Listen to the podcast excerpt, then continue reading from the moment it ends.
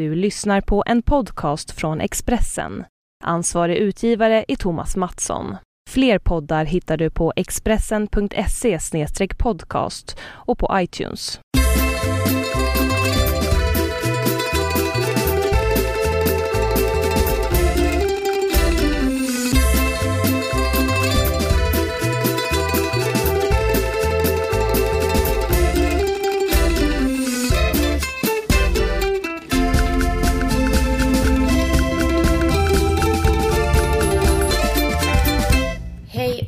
Välkomna till Hemma hos Birro. Eh, Vi sitter här eh, i vår soffa och eh, möts.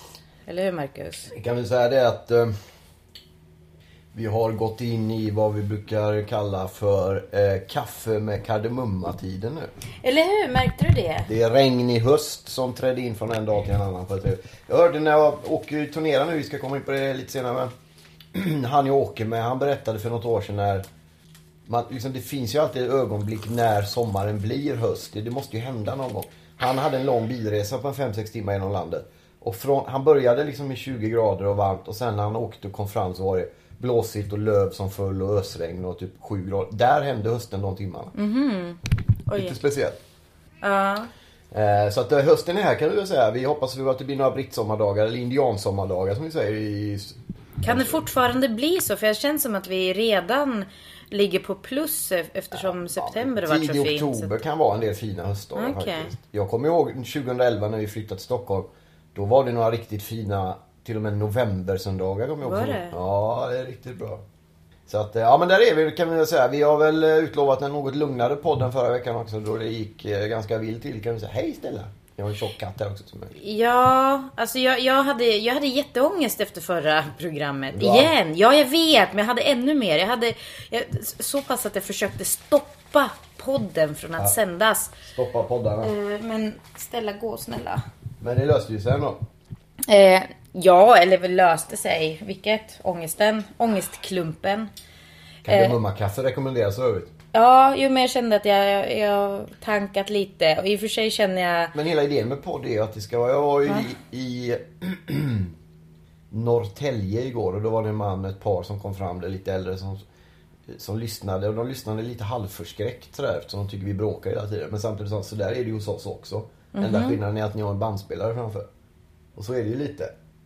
Ja, det kanske är. Fast jag känner ju liksom att det, det här är ju den finaste stunden vi har i- under veckan. Det är väl den enda stunden vi har. Den enda stunden, precis. Jag Vi menar så håller att det på att separera lite kan man säga. Okej. Nej, jag vet inte vad vi håller på. Det är liksom, vi försöker ju hålla ihop. Det är väl bra?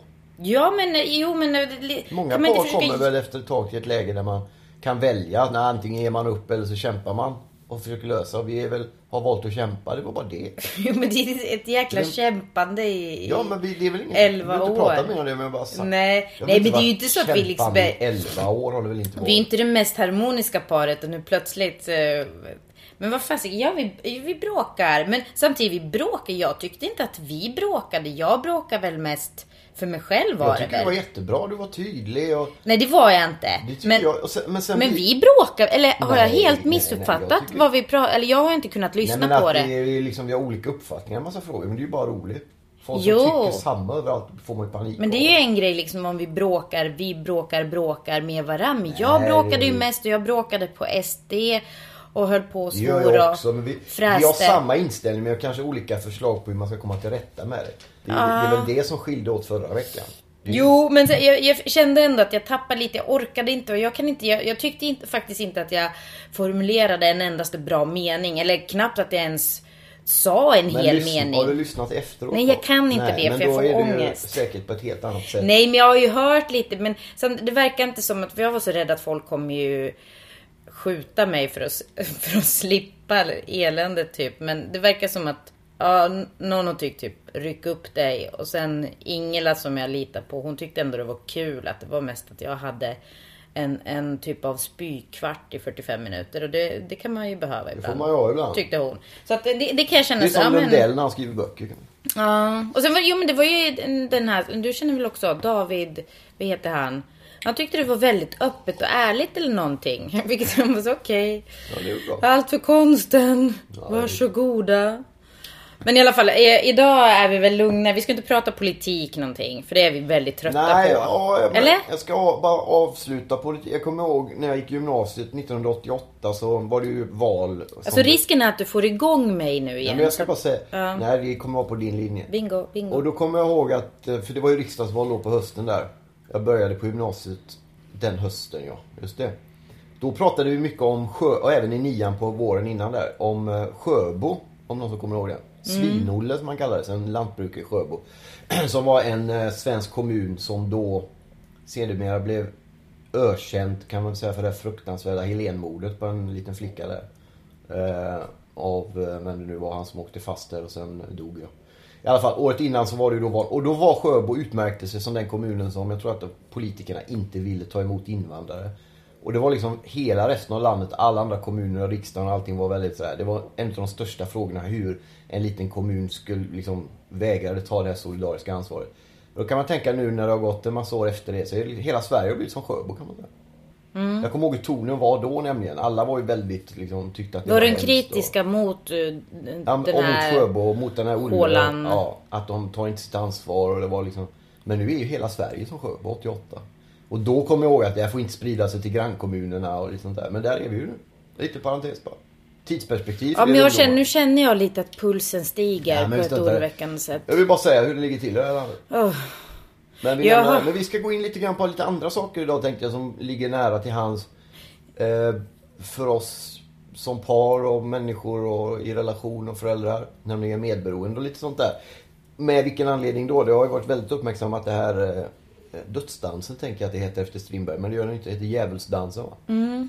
Ann Söderlund och eh, Sanna Lundell. Sanna Lundell har ju en tv-serie ihop. En dokumentärserie i tre delar. Ja. Som började igår, alltså tisdag. Just det, jag skriver om den i onsdagens Expressen i onsdags. Lite grann om den. Jag har bara kollat små korta klipp innan eftersom jag har varit ute och turnerat. Men du såg ju själva programmet igår. Och det var sådär eller? Nej, nej, alltså det var jättebra. Jag är jätteglad för att de, att de gör, och har gjort den serien. Nu blev jag väldigt besviken när jag hörde att det bara var tre delar. För det känns som att, oj, eller jag, jag fattade det efter första. Kände sig bara, shit, nu är vi nästan halvvägs och det är snart slut. För Det, det, är känns bra som att, kritik i och för sig. Ja, det är precis. För det känns som att det finns så himla mycket att prata om vad gäller den problematiken. Eh, nej, jag tyckte det var väldigt bra. Det var otroligt gripande. Och Hillevi Wahl bland annat var ju med och berättade om, om sitt liv och sin uppväxt. med- Krönikör och författare kan man säga. Ja. Och det, alltså det är ju, det, det var jättejobbigt att se och man blev otroligt berörd. Eh, sen kunde jag, jag pratade med en kompis efteråt. Alltså jag är ju i den här problematiken. Kan man väl säga. Eh, jag försöker förstå den. Jag, jag, den, jag, den är så svårgreppbar på något sätt så att eh, det, det är inte bara att bocka av några grejer och sen aha nu väljer jag att eh, göra annorlunda och så är jag kvitt det på något sätt. Och det var väl lite det som jag kände, det lät lite för enkelt mot slutet vilket gjorde mig lite halvdeprimerad. Eh, för det var lite som att ja, men nu när man är vuxen kan man välja att bryta mönstret och nu kan man välja att eh, hur man ska göra eller hur man inte ska göra. Och, så kände man att men shit, jag, jag kan ju inte. Hur gör man det? Hjälp! Oj, vad dålig jag är som inte lyckas göra just det. Förstår du? Mm. Men, eh, men sen, sen tänkte jag bara på en annan grej. Just att det var ju väldigt mycket fokus, vilket är helt naturligt och förståeligt också. Att det var just om barn, kanske framförallt som växer upp i alkoholistfamiljer där föräldrar, ena föräldern båda alkoholister och hur det eh, utvecklar ett medberoende i de här barnen då som de ja, tar ut på sig själva. Eller vad man ska säga när de blir vuxna. Eh, genom att ofta kanske välja då eh, missbrukande partners. Men jag kunde känna lite så att eh, jag tror att vi är väldigt många som inte har det så svart på vitt. Alltså, jag, alltså man har inte, man har ingen missbruk i sin familj. Jag är inte uppväxt med några alkoholister. Jag har aldrig känt några alkoholister. Och ändå är det någonting i mig som har, och det är inte du som, du har inte utvecklat mitt medberoende. Den har ju frodats säkert i, i, i, din, i den här relationen. Fast det är ju en, en problematik som har funnits i mig länge. Mm. Den, den, här liksom känslan som jag var inne på förra, att jag känner mig jag känner mig värdelös. Det här låter ju liksom ganska allvarligt och det kanske är det också. Men att jag liksom bara kan känna någon typ av värde när jag blir illa behandlad av någon som jag... Men förstår du? Mm. Alltså det är ju, det är ju en, en, problematik som jag tror många, alltså det behöver inte nödvändigtvis vara att man kommer från och då kunde jag känna mig lite så här, ja men eh, förbisedd att jag inte riktigt liksom kände att de, men ja då, vart hör jag hemma i det här? Förstår du? Ja, men... Och det var det liksom jag pratade med en kompis som har samma. Hon också har medberoende problematik och inte uppväxt i en alkoholistfamilj. Så att, men jag såg det sen i chatten för de chattade efteråt vilket var jättebra. Jag var inte med där eftersom jag snackade med min kompis då. Men eh, jag läste det och det var någon som hade mm, frågat just om det. Att det finns ju faktiskt en ännu mer eh, eller grupp i det dolda som är just sådana som inte har det, som inte har, kommer från tydliga alkoholistförhållanden, eller liksom alkoholismförhållanden eller familjeförhållanden där alkoholism är eh, en stor del som ändå har det här. Kommer ni prata mer om det? Och kanske in... Det är två avsnitt kvar. Ja, ja, men kanske om det blir en till säsong menade hon. Ah, okay. För att de fokuserade på det. Men det är intressant vilket stort genomslag det har fått. Och det, det är, tror jag, är av två anledningar. Den första är naturligtvis att det är, det är någonting som berör väldigt många människor. Det sägs att det finns ungefär en miljon beroende personligheter av olika slag i Sverige med olika grader av problem. Uh, och olika beroende av olika saker. Det behöver inte vara alkohol bara, det finns ju annat också. Och sen så är det då om man tar fyra, fem personer runt de där en miljonerna så inser man rätt snabbt hur mycket folk det är. Och det talas så tyst om det förhållandet hur många det är också. Ja. Det är den ena anledningen. Den andra anledningen är också att det finns ett medialt intresse kring framförallt Sanna Lundells uppväxt med sin pappa Ulf Lundell och hennes relation nu med Mikael Persbrandt. Och det, där, det ligger lite i botten tror jag. Framförallt när det gäller annan medias bevakning och så. Men jag har inga problem. Jag tycker att det, det stärker ju henne. Hon har ju... Det blir väldigt trovärdigt. Det är svårt liksom att gå runt de erfarenheterna hon har. Och sen så fick hon en fråga i SVT Morgonsoffa på onsdag morgonen här. Eh, men du då som så här medvetet medberoende och mm. väldigt öppen och tydlig. Du har ju då valt att gå in i en, en kärleksrelation med en av Sveriges kändaste missbrukare. Mm. Och då hon okay. hade lite svårt att och, och reda ut det. Hennes argument var att han kom också från ungefär liknande förhållanden som henne då innan. -huh. Så att hon, de kunde känna igen varann och hitta varann i det och så. Jag vet inte. De bor ju inte ihop. Det kanske är en lösning.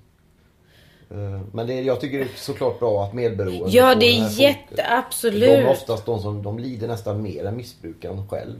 Ja men det var någonstans, nu, nu känner, alltså det här är väl mitt problem. Jag känner nu, nu pratade jag väldigt mycket om mig själv kände jag. Ja, men det är väl därför programmet är till, för att man ska känna igen sitt eget liv i det. Och få det liksom beskrivet. Ja. Det är ju det som, så är ju med all bra... Jo men vad var det jag sa? Att jag, ja. Nej men att du kanske inte kände att du tillhörde den typen av medberoende som hade det med sig. Nej men för det var väl någonstans där kände, det går ju inte att definiera som sagt. Det finns ju inte de här grejerna. Uh, så här är en medberoende. Men det var väl lite att man kanske kunde jag känna att man borde ha försökt greppa lite mer allmänt vad det handlar om. För nu var det... Det är väldigt, det är så komplext. Ja det är jättekomplext men det är jag därför... Jag tror också att många, många människor har det, det här medberoendet som ett beroende själva i sig. Ja men ja säkert, de absolut. De är som personer på ett visst sätt ja. som gör att de omedvetet eller medvetet söker människor som de ja. kan utveckla sitt medberoende i. Och egentligen finns det då inget medberoende och beroende utan då är alla beroende på olika sätt. Så kan man också se det. Ja, jo men det är, alltså, det är ju det som jag kände någonstans att eh, när man är i någonting och försöker förstå. Och det är inte som jag kände just, ja men förra veckan, jo men det kände jag lite. Uh, du sa att, ja, men du, att jag gjorde mig till offer. Och det pratade de lite igår också, att man måste liksom ta bort den här offerkoftan. Och jag får så jättedåligt samvete och där blir jag offer igen. Men jag känner så här, men fasiken, åh gud, jag vill verkligen inte vara ett offer. Och, och jag vill inte lägga skulden på någon annan eller något annat för, för mig själv eller mina val. Men det jag försöker göra är att förstå och det kan jag ibland tror jag misstolka som att man är ett offer. För jag försöker bara förstå. Nu försöker jag verbalt förstå, vilket kan, det här är kanske helt fel forum att jag håller på att älta det här i podden. Men förstår du vad jag menar? Mm. För, för det, det är ju också så här, om man, om man stämplas som ett offer eller att man liksom tycker synd om sig själv. Då blir det ännu svårare. Och det handlar ju inte om det kanske alla gånger. Och det är inte alltid lätt att bryta. Även om man blir vuxen eller man får barn. Det är väldigt svårt att bryta mönster. Framförallt kan man ju inte bryta någon annan människas mönster. Eller? Nej men jag pratar om egna mönster. Det är svårt nog. Man kan ju aldrig, man kan ju bara förändra sig själv. Men att det är svårt menar jag.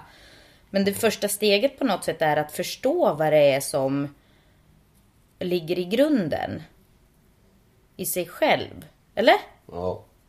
Prata med mig. Nej men jag funderar lite. Men det är som sagt två avsnitt kvar. Det kanske kommer andra versioner av medberoende i de här två som är kvar och sådär. Ja, jag, jag tror att inte att det skulle göra det så mycket. Att Nej, det var, men vi får väl se ändå. men, men att det liksom, man kan ju hoppas att det blir... Det var därför jag blev lite så här förtvivlad. Vadå, tre avsnitt? Att vi redan är halvvägs. Det känns som att man har... Halvvägs är det ju inte. Det är ju två kvar. Men nästan halvvägs. Men det beror ju på hur man, Det är ju som med glaset om det är halvfullt eller... Ja, men Det en tredjedel är avverkat och det känns som att shit, det, det är inte en tredjedel. Och såklart det är inte det, men Vi ska säga det att SVT gick ut och gjorde en väldigt snabb enkät igår på ett mer eller mindre seriöst sätt. Ganska mycket seriöst tror jag. Det var ungefär en miljon som kollade. Mm. Vilket är väldigt, väldigt mycket folk i, i de här tiderna. Så vi, vi Ja, för det här, alltså det här tror jag är, det är ju, och det bör vara intressant för alla i princip. För att det finns så mycket, och att man Alla har ju det i närheten. någonstans precis som man inte vet om. Så att det är ju, jag säger ju inte bara, men gud jag orkar inte. Nu låter jag Vi ska ju säga det när vi ändå är inne på Lundells då. för Jag skrev också om eh, Sannas pappa då. Eh, Ulf Gerhard Lundell som vi säger. Säger vi så? jag tror han heter. Han har ju skrivit en bok där han är arg på allt och alla. Och där fick han även med och rallarsvinga mot undertecknad lite grann. Men vad, vad är han arg på dig för? Jag vet inte, jag har inte läst än. Jag var nere och bläddrade idag men jag hittade inte. Men hur vet du att det finns jag vet då? att det är flera som har sagt. Jo, men vad säger de? Jag vet, nej men att det, Det här jag låter vet som klassiskt står. hörsägen. Nej, men det inte- står någonting elakt. Hela boken handlar om en gubbe som, som känner Ulf Lundell och som gillar honom och som sitter på ett hus, eller i ett hus på Österlen och är arg på exakt allt. Hela boken handlar om en gubbe som är arg på allting. Är han då själv Ja, eller? det är han själv. Och då han, han går igenom, det är dagboksanteckningar från 2012-2013. Där han kollar på TV och blir arg, lyssnar på radio och blir arg, läser kvällstidningar och blir arg. Så han har väl läst något jag skrivit och blivit arg på det liksom. Eh, Men du har ingen aning om vad, hur? Nej, jag läste en recension som, som jag såg i någon tidning där. Men det spelar ingen roll. Han är ju på massor med folk som... Jag har ju älskat Ulf Lundell inom alla år. Jag gör Ja. fortfarande det. Så det är klart att i första när jag hörde det så tyckte jag, ja, jag hade det lite... Det, det kom inte som en total överraskning. Men det var ändå lite jobbigt. Och olika, dels ifrågasätter man sig själv och vad man håller på med. När det är någon som man har haft så stor respekt för, uppenbarligen då, tycker att det är kul att skriva någonting. Lite spetsigt eller vad man ska kalla det. Så det var lite så här, okej. här- och sen blev jag mest lite, om inte arg, men lite så här, Alltså om man väljer sina fiender på det sättet som han gör. Att han sitter liksom och ger sig på människor. Han är på Lars Winnerbäck till exempel. Det har han varit under i stort sett varje intervju han har fått. Och Lars Winnerbäcks enda problem i det här sammanhanget det är ju att han är större än Ulf Lundell just nu. Och dessutom har haft Lundell som en stor, stor förebild. Och så får han massa skit för det år ut och år in. Och nu så fick jag en rallarsving och, och en hel del andra ska jag säga också. Men det, du- ja, men det känns okej. lite sådär onödigt att välja ut folk som har stått vid hans sida, som har försvarat honom, som har köpt hans konsertbiljetter, t-shirts, skivor och böcker genom alla år. Och liksom bara ta sig friheten att, att vi har aldrig träffats heller. Att bara misskreditera det där. Det, det känns lite såhär... Mm. Absolut, jag skulle bli skit. Är du ledsen? Nej, det har gått över lite. Jag mejlade lite med mm, Niklas Bergson som jag känner som jobbar med Thåström och Bruno Sjöö väldigt nära. Och han, han eh, var väldigt arg på Lundell. Men jag- jag- sa- Och Mauro Scocco mejlade jag för att få lite och han var liksom så att han skrev bara, ja men du vet ju hur han är och att han skriver om dig. Det bara visar att du finns och att du stör. Och dessutom då, vilket jag skriver om i krönikan i onsdags också. Att det handlar ju oftast väldigt mycket när man riktar det utåt mot sina egna liksom, tillkortakommanden eller varför man är arg. Jo, men jag, jag tycker faktiskt att du liksom kanske borde verkligen ta reda på vad det är exakt han Ja men jag kan ju in. lista ut i några rader om att antagligen jag har blivit knäppjök eller kristen. För det, jag, kan ju, jag, fattar, jag vet ju ungefär hur han tänker. Jo, men det är ju lätt vi att kolla upp lika. ändå. Men han är liksom arg över allting. Han är arg över att det är skalbaggar i swimmingpoolen. Han är arg att det regnar. Han sitter på en flygplats. Ingen känner igen honom. Det är han arg för. Jag var och läste den en halvtimme ner i bokaffären. Sen sätter han sig på ett plan och det är någon som känner igen honom. Då är han arg för det. Så han åker tillbaks till någon kvinna de är för gammal för att ligga med. Är han arg på det. Alltså hela grejen är att han är arg på allt. Han är ju en gnällgubbe. Jo, men det och det kanske- kan vara kul att läsa. Men du måste, någonstans måste man ändå liksom Men det kanske är ironiskt eller något. Nej, det, han kan ingenting om ironi. Men nu sågar du honom. Nej, jag gör inte alls. Jag älskar ju Lundell. Det är ju det som är problemet. Hade jag inte tyckt om honom hade jag inte brytt mig. Jo men hans bok nu att Liksom han är Jonas gnällgubbe. Gardell eller Magnus Bettner eller någon tycker väldigt illa om mig. Det har liksom inga problem med för jag, jag Men du ingen- vet ju inte om han tycker illa om dig. Nej men han har ju skrivit i sin bok en elaka saker. Det är klart att han inte tycker att jag är så rolig. Ja men du vet ju inte vad det är. Jag tycker du ska kolla upp sånt Jo, jo, innan men du jag pratar. vet ju ungefär vad det kommer du vara. kanske får reda på att det är liksom en jätteskojig mening där du Men det figurerar. är det inte. Han skriver hånfullt om en massa människor. Stod i en recension. Så ra- radar han upp namnen vilka det var som var utsatta för det. Och där var jag med. Så det är Ja. bra. Men jag vill bara sagt att det, det känns ju i början lite tråkigt men nu känns det mer som... Mm, Att du älskar honom ändå? inte- Eller ja, ge, eh, nej, gör du honom, slut? jag- Nej, jag har inga problem. Jag har inte haft någon närmare relation med honom de sista tio åren. Men under åren innan har han bytt ut väldigt, väldigt mycket. Men jag citerar också vår, en annan fin vän, vän är han inte, men hjälte Bruno Coyer som skriver att så länge de har fel bild av det har de spelat bort alla chanser att skada ditt liv. Men visst känns det lite som att de här hjältarna, att det är lite vänner så att därför blir du ju äh, men sårad Ja, eller... lite så är det ju. Men framförallt när det är någon som man liksom själsligt eller vad man ska säga på många sätt kan ha känt igen sig inom alla år. Han har ju varit äldre och levt där men man har liksom, och missbruk, vi har ju massa grejer gemensamt. Mm. Fast återigen, jag tycker du ska kolla upp innan, Ja, innan du går vidare Men med, jag, jag med ditt gnäll. hälsar bara att eh, vi önskar Ulf all lycka till.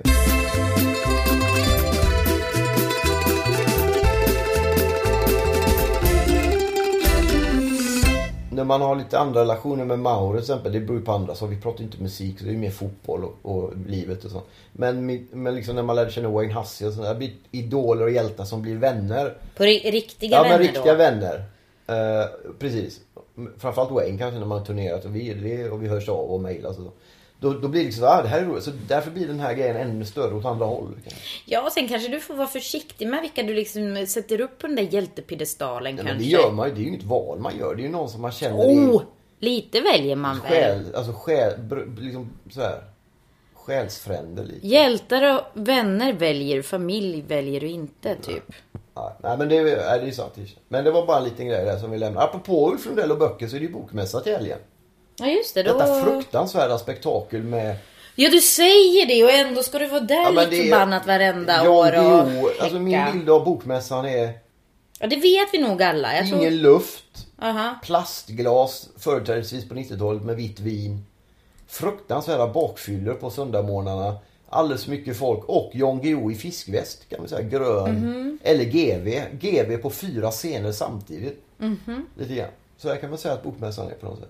Ja. Eh, Jag bodde ju runt hörnet från bokmässan under massor av år så jag har ju varit nära den när man är göteborgare så är det på ett annat sätt. Jag har, jag har ingen speciellt bra relation med bokmässan kan jag säga. Men ändå ska du dit. Är det viktigt Ja. för en författare att vara där? Ja, för en del är det nog det. Men för dig? Inte egentligen, nej. Men Varför åker du dit då? Därför att de hann boka in lite grejer. Jag har några spännande saker i och för sig. För du är ju borta hela helgen. Ja, jag ska ha ett miniseminarium på lördagen själv. Och sen på söndagen så ska jag vara med eh, Ante Jackelén, ärkebiskopen, har en programpunkt. På en jättestor scen där hon skriver ärkebiskopen möter. Och då var det Ingvar Carlsson, Desmond Tutu från Sydafrika. Som har fått Nobels fredspris tror jag. Mm. Rätta mig om jag har fel. Och, eh, och, med, och jag. I olika, det var ju fantastiskt fint sällskap att få vara i. Så det blir roligt. Men annars är det Jag tror att den är viktigare för författare som inte är så publika annars kanske. Som, inte, som sitter med på sin kammare och skriver och inte ute och turnerar eller är med i tidningar och TV och så skit. Men då tycker du att det är roligt. Om det, om det inte är viktigt för dig så måste du tycka att det är roligt. Det är därför du åker dit. Du kan ju inte säga att det Nej, varken är roligt Nej men det eller är okej är det men det är liksom inte sådär som en del i bokbranschen försöker lyfta det till liksom årets häftigaste. För många som inte annars är ute och turnerar författare och så, så är det nästan ett av få ställen man träffar läsare ju. Erkänn, du vill bara komma hemifrån. Det är det det handlar om. Nej men jag ska träffa mamma och pappa i Göteborg, det är alltid roligt. Ja. Men, eh, Men ja. du ska hänga där i alla fall. Ja, de firar 30 år också ska vi säga, Bokmässan. Det är jubileum. Ja. Blir det, är det större då? Blir det ännu Ja, jag mer? vet inte om det blir större men det är alldeles för stort redan. Alltså. Å Ja. andra sidan ska man inte gnälla, det är kul när, när boken får stå i centrum. Ja, det är väl jätteroligt. Apropå boken, jag är inne på men sen får du prata mer snart här nu känner jag. Men jag Ja, det, ja, jag känner mig faktiskt lite åsidosatt. jag har köpt på mig lite Stephen King-böcker som är på väg att ramla in tror jag. Mhm. Vi har Joyland först någon, eh, på engelska. Sen har vi Insomnia som handlar om en man som inte kan sova på engelska. Och i november på svenska så kommer det en, eh, en ny som jag glömt namnet på nu. Som handlar om eh, en massa spännande saker. Något på V? Det var ett kort namn. Ja. Ja, det handlar om någon eh, rockstjärna som går på heroin som möter en pastor. Ja, den där verkar hur cool som helst. Älskar Stephen King. Stor glädje. Fick ju Mr Mercedes av er i julklapp när jag fyllde år. Den var fin också på många sätt. Fick i julklapp när du fyllde Ja, år. det är för- födelsedagspresent den. Det är ju en schysst kombination. Har du sett någon film undrar vi? Du såg skräckfilm själv för första gången. Det kan Jesus säga. Vilken? Fick jag i julklapp när jag fyllde år. Ja, just det. Han fyllde år på julafton. Även Pernilla Wahlgren för övrigt. Just det, hon kan också säga så. Ja, det är riktigt. Inga jämförelser i övrigt mellan Jesus och Pernilla Wahlgren kan man Kanske inte jättemånga, nej. Sigge Eklund och Jesus däremot. Ja, i din värld. Ja. Det, Sigge det, Jesus som vi kallar honom efter halv fem på eftermiddagen. uh, vi Harry vi. Schein Det, det är du och det dina liksom. Harry Schein drack sin första whisky vid kvart i fem ekot. Och du är På då? morgonen eller eftermiddagen? När är kvart i fem och ekot då? Ja, Gissa vilken tid kvart i fem ekot. Ja, ja men precis. Ja. Det, var, det var en sån där... Vad kallar man såna frågor? Ja, skitsamma! Ja, just det. det var en sån. Å andra sidan kan man ju säga som Hemingway när han började kröka på förmiddagen där att det är ju, Men du får fråga. det är eh, ju kväll någonstans i världen. den frågan har jag fått lite så här, om inte jag är bekymrad för att du tjatar så himla mycket om Sigge Eklund. Varför gör du det? Det är bara en grej som dyker upp. Jag ska bara helt ärligt säga. En grej, eller han som dyker Nej, upp? jag tänker aldrig på Sigge Eklund mellan poddarna. Men just när vi, pod- eftersom han är the king of pods. Så kommer Det är han, så. Ja, jag har all respekt i världen för honom. Jag känner inte Men honom, lyssnar du på hans podd? Nej, jag lyssnar inte på andra poddar. Jag är inte så intresserad. Men ändå så vet du att han är king of ja, pods. men det går inte att missa. Han har ju en fantastiskt vällyssnad podd. Och därför så vill liksom... Nej, men jag, det kommer naturligt. Men jag går inte och tänker på honom någon gång. Är du ändå. säker på ja, det? jag är helt säker på det faktiskt. För ibland så, det Jag känns... inte har haft några problem att erkänna det men jag har ingen relation till Sigge Eklund överhuvudtaget. Inte hans böcker. Nej, men vill du ha det? För det är det som ibland jag känns som att- problem att... Jag tycker han verkar väldigt trevlig. Fiskar du efter hans uppmärksamhet Nej, ifall nej. han eventuellt skulle lyssna på det här? Jag tror inte... Nej, det gör han ju inte. Men jag... Nej, det är bara en grej jag har liksom. Ja. Sigge, jag tycker det är skönt att säga Sigge är ett fint namn. Jo men det är, det är ju faktiskt det. Lite, det Sen är han ju rätt snygg Sigge så det är liksom lite... Jo, jo men eh, liksom ändå liksom. Det känns lite... Nej men alltså jag är... Du, Det hade du... varit värre om man håller på att tjata om någon tjej eller något där gång på gång. Det hade varit allvarligt. Men varför det? Ja, vi, alltså vadå? Ja, men det är Du ju- kan ju vara Lagd åt det ena eller det. Det Ja, vet men man ju. det är jag inte. Nu skulle man att man är intresserad. Nej, av- alltså jag säger inte, det är inget så här, men jag bara undrar igen för att det, jag menar inte så att jag är svartsjuk men jag bara kanske kan vara orolig för att det är Du behöver någon, inte vara orolig för allting. Det finns inget någon, orolig över. någon störning. Nej, men det är en poddkoppling jag gör som knäpps på. det. Poddkoppling? Den så kallade Sigge-knappen går på när det är podd. Annars tänker jag inte så mycket på det. Så du Men- måste namedroppa honom minst en gång varje podd. Ja, det är så det. är det ju. Det är, så är det. Men, ju. apropå liksom, de, de... Nej, det blir väl någon gång... Nu ska jag inte göra reklam kanske. Jo, men vad fan. Eh, De ska väl ha någon show i oktober. Såg ju någon skylt. eh, Ja. Sigge Ja, och. Alex Schulman. Ja, okej. Meningen med livet. Jag vill ju gå på det. Nej, jag kommer aldrig gå på Nej, och jag vill ju gå på det. Så ifall, kan inte jag få en fri... För jag har inga pengar. Jag kommer antagligen inte få pengar av dig för att gå på det. Nej, du får pengar av mig i alla andra sammanhang. Det så det räcker. Ja, men kan inte, om då Sigge lyssnar på det här, kan inte jag få en fribiljett? För jag har verkligen inga pengar att gå på det. Nej. Och det finns Marcus vägrar gå. Nej, jag kan absolut tänka mig. Kan du det? Om du kan få två kan jag få Ja, släppa precis. med dig. Jag har dock andra saker som går före det. Bland annat kommer ju Bruno Sjögren till Södra Teatern några datum i oktober. Jo, jo men sen kommer Det faktiskt... jag men man hinner med mycket. Sen ska jag faktiskt kolla upp. Älskar Bruno Sjögren. Och det här tycker jag att du ska följa med på. Al Pitcher. Jag tror att han är i Stockholm någon gång i oktober Jag också. är inte så mycket för stand-up. Nej men alltså han, jag har sett honom en gång, han var skitrolig så jag har kollat på, på nätet. Han är faktiskt jäkligt kul. Så det vill jag gå på. Så vill jag gå och kolla på, eh, på Alex och Sigge showen. Och sen eh, kanske på Bruno K då. Ja, Bruno. Får jag följa med? Ja, absolut. Ja. Älskar Bruno. Han är ett geni alltså. Men jag är, eftersom jag är i den här beroendeställningen så jag har ju inga egna pengar till sånt Nej, då får här. du skaffa ett jobb. Tack för den piken. Arbetslinjen. Ja, precis. Jag håller ju på faktiskt med min C-uppsats. Jag, jag, jag tar examen, eller vad säger man? Jag gör examen. Jag Tar examen. tar examen. Det är bra. Jag borde kunna säga det om jag ska ta den. Men ja, jag ska ta examen nu. Typ. Ja, det är på gång. Om, ja, precis. Bra. Om jag inte bryter ihop fullständigt. Men du var inne på film. Du frågade mig. Ja, men du såg en skräckfilm själv. För vi har ju pratat om det vid något tillfälle att du har lite svårt att se skräckfilm själv och det är en del av terapin att, att jag älskar att se skräckfilm både med dig och själv. Men du har haft lite svårt. Men nu har du sett en skräckfilm själv. Vilken var det till att? Var det den Devil's Do? Nej? Nej, och jag måste faktiskt säga det att jag tror ju på film, det här har vi pratat lite om, jag tror ju på film som terapi. Och jag tror skräckfilm eller rysare fyller en väldigt viktig funktion där. Just när man har lite Problem. Problem, har lite ångest, så jag tror att det är bra Ja, att hitta, alltså distans, för det är ju ändå på film, alltså ju, man ska ju just där och då ska man ju gå in i det, man ska, det ska ju vara skitless, man ska ju vara rädd så att man kissar på sig nästan. sig. Men sen att man ändå ska kunna distansera och ta, alltså ta avstånd från, ja nu börjar du gäspa här. nej, jag proppar i öronen. Så att jag tror på film som terapi och skräckfilm kanske framför allt. Min, en, en terapeut som jag hade sa att man absolut inte skulle kolla på film som man mådde dåligt av. Det, beror på, det är skillnad på skräckfilm och skräckfilm också. Alltså de här övernaturliga med radhus och sånt är ju fantastiska. Eller när det är flygplan. Det är lite värre kanske, jag kan förstå vad han menar. Om det är såna här bara slaktarfilmer och hugger Han, och... han tog som exempel, eh, då tog han Seven. Han sa att den ska man absolut aldrig eh, se. I något sammanhang. För det, det finns inget bra som kommer ur den upplevelsen. Nej, han har ju poäng i det. Lite så kanske. Eh, Det regnar mycket där. Men jag såg, eh, jag såg Honeymoon, heter den. En eh, ny från i år, 2014. Var det något övernaturligt inblandat? Eh, pff, jag, jag ska inte säga så mycket. Nej. Det är, en, det är en, eh, lite av en indie thriller, indie-rysare kanske. Eh, det handlar om ett nygift par som... Där har titeln som vi säger. Japp. Som eh, åker till en enslig stuga mitt ute i skogen och ska fira sin smekmånad där. Vad tråkigt. Men du gillar väl sånt? Ja, men jag menar varför åker man dit? Men jag fattar Ja, men det, det, det blir ju ingen Filmiskt älskar jag det. Hus i skogen är det bästa som finns. Ja, egentligen ska man åka aldrig till något ensligt Sen om Will hus Smith kommer i en någonstans. rymdraket gör inget men... Ja, nej men den här, eh, jo men och allt är jättetrevligt. De är jättesöta, gulliga och det är väldigt mycket, alltså det är väldigt romantiskt första, eh, först i- inledningsvis så. Väldigt fint och de eh, har bara mysigt och trevligt. Eh, tills en natt, hon är försvunnen. Men du ska han- inte säga så mycket. Joho! Ska jag visst det? Hon är försvunnen, han, alltså maken hittar henne naken ute i skogen och hon har gått i sömnen. Oj. Därefter börjar en förändring eller en förvandling. Av henne, någonting. Ja, Okej. någonting eh, skumt. Det här vill man ju säga. Innan dess har de träffat ett par där som typ, det där är hennes Är det någon swingersfilm eller nej?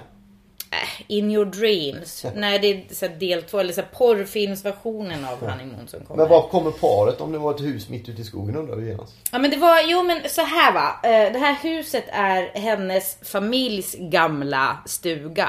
Och när hon var liten så var hon ofta där. Okej. Och så träffar de, för det finns ju andra hus också. Det är ju ändå så här sommarstugegrejer. Det är ju aldrig liksom bara ett hus. Det finns ju ändå liksom kanske några kilometer bort eller någonting. Så de träffar en gammal barndomsvän till henne. eh, Som nu är vuxen. Och, Aldrig bra. och, och hans man. Så att, eh, hans man, hans fru. Eh, men bra. eh, mer ska jag inte säga. Nej.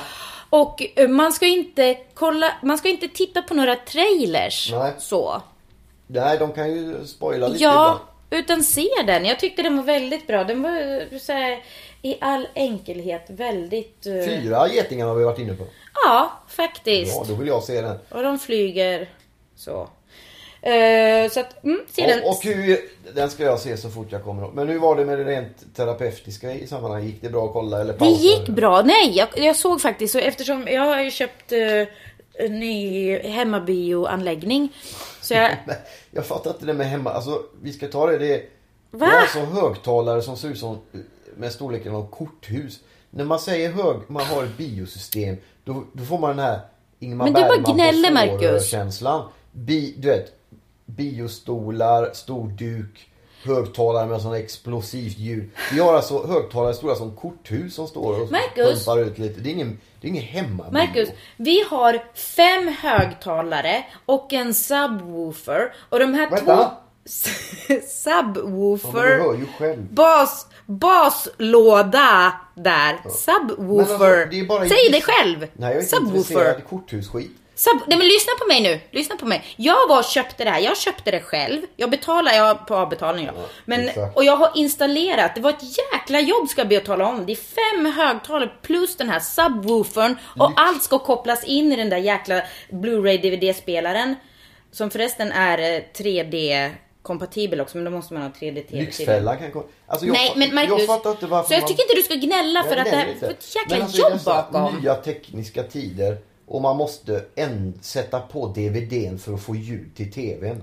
Ja, För att det är inte där normalt. inne ljud, men shit! Men Annars hade vi haft TVn måste ju ha ett eget ljud någonstans.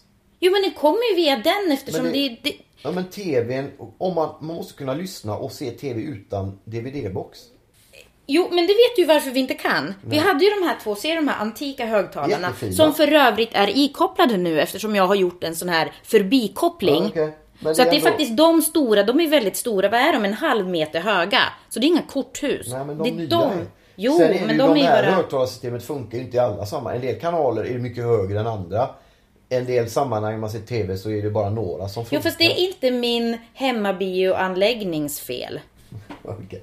Ja, men vi ska ska i alla fall se Jag tycker jag, jag är väldigt nöjd över det här. Jag tycker det är fantastiskt nu, även om jag hatar de här sladdarna. Jag tycker det är jättekul att ha högtalare vid mitt öra och sen ha de här stora fina antika varianterna längst fram. Ja. Plus subwoofern. Och sen den där lilla saken där. Men det är liksom ingen biosalong kan vi vara. Nej men det, nej, men det är hemmabio är det ju. Vårt märke på TVn är Swedix. Det är inte riktigt bra. Nej men det är mahognyram, kom igen. Ja, nej, Vä- det- Hur många har, nu Nej. ska man kanske inte skryta. Det var den, sista eh, mahognyramen efter 17 tummar eller va? Nej. 32. 32. 46. Oj.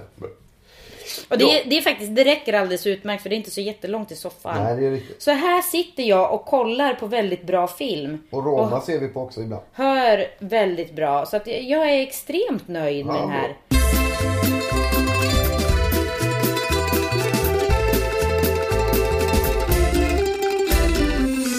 Men jag tänkte på att det här med skämt, kan man få ett sånt kanske? Men Marcus, jag har avslutat det där flera gånger. Jag skulle, för det första skulle jag bara köra skämt under sommaren. Och sen plötsligt så tog ju de slut. Och det, då finns det inga fler.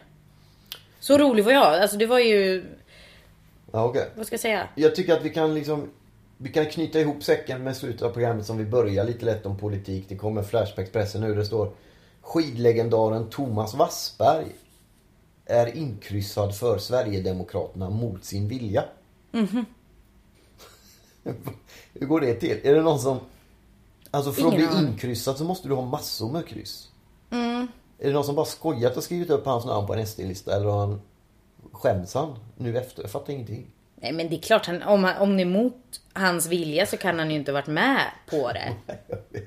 Ah, det var en liten parentes bara för vi började Men ju lite... shit. Ja, och Thomas Wassberg är ju skön alltså. Ja, det där Han skulle vara Johan obehagligt. Mieto bland annat tror jag. Vad sa du? Eh, Johan Mieto tävlar. Vad, vad sa du? Ja, finsk. Johan Mieto. Ja, okej. Det här är ett sattyg säger eh, Thomas Wassberg. Ja men det är väl bra. Han sympatiserar inte med partiet, tänker inte engagera sig. Nej men vad fan, det är väl klart det. Fuck SD. Det är tråkigt att någon kan göra det utan att fråga. Ja det är fruktansvärt. Tänk om de skulle kryssa. Du får passa dig lite när du med, med alla saker som du håller på och säger ibland. Du kan ju bli kryssad både åt höger och vänster. Han är inte intresserad av politik. Nej, nej men det, oj, tack för det. Thomas Wassberg. Ja, men vi tackar väl för detta och det blev inget skämt med andra ord. Nej.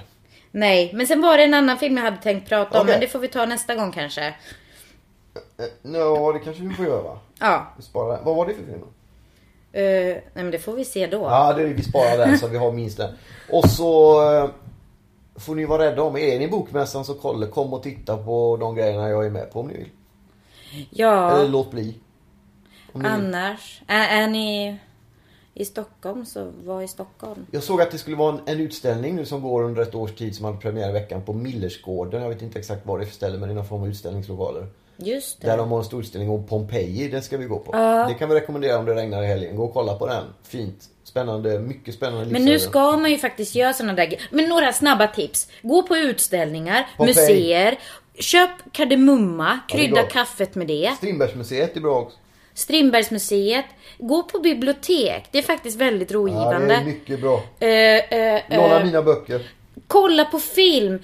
Eh, satsa på en bra hemmabioanläggning. De är inte jätte... Den här kostar ju bara 2 5 faktiskt. Så att okej, den är kanske inte så bra. Nej, exakt. Man och sen se på för. film hemma. Det är fantastiskt. Man kan ju faktiskt koppla sin dator med Netflix eller HBO eller vad det, vad det är man har. Och se på massa härlig serier direkt liksom. Från den stora skärmen. Man kan ju ladda ner film också, men det får man ju inte. Det får man inte göra och därför gör vi inte det. Och vi kommer absolut inte uppmuntra till några sådana alternativa Jag bara säger att varianter. man kan göra det. Det är som eh, när man eh, bryggde, Alla kan inte. bryggde eget vin hemma så, så när man köpte jäst och sånt. Så stod det, för lättöl så använd två jästpaket eller vad det var. Liksom. Så stod det för starkare använd fyra jästpaket. Men det här är ju förbjudet enligt svensk lag. Lite Mm. Hur många tror du gjorde lättöl hemma under trappen? Men det är också så här som de här, eh, har jag hört, som man laddar ner saker med, alltså de programmen. De är lagliga, alltså att, att Okej. finnas och att ladda ner. Men Jag sen får man inte använda dem. Dagens Industri att den här sajt som Svefilm till exempel inte är, att det inte är illegalt. Nej, för det har du pratat om. Vilken tur att du vet det nu så du Ja, kan sluta titta exakt. på film genom den. Vi hade ju när vi bodde på Kaprisgatan, mögelskadat eh, fruktansvärt hus i förorten. Då hade vi ju eh, hemmagjort vin som stod och bubblade under trappen. Kommer jag ihåg. Som, när det kom oväntat besök, vi kastade filtar över. Oväntat besök som i vad? Ja men de trodde om det var ju Polisen kom? Ja, typ. Nej, men. Eller vissa grannar. Brukar det vara poliser där? Nej men de grannar som var lite, som man inte kände så väl. Och sådär.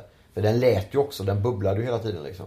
Men shit. Ja, spännande grejer där. Det är sånt man hade i skogen Apropå tiden. medberoende. Vi tackar väl för det här då så önskar vi uh, Ulf Lundell en riktigt glad helg och trevlig helg med mycket glädje och... tänker- Alla andra med för den delen. Det är riktigt. Ta hand om er. Ta det lugnt nu era gubbar och kärringar och huka er i bänkraderna så får nu laddar han om. Hej då. Hej då.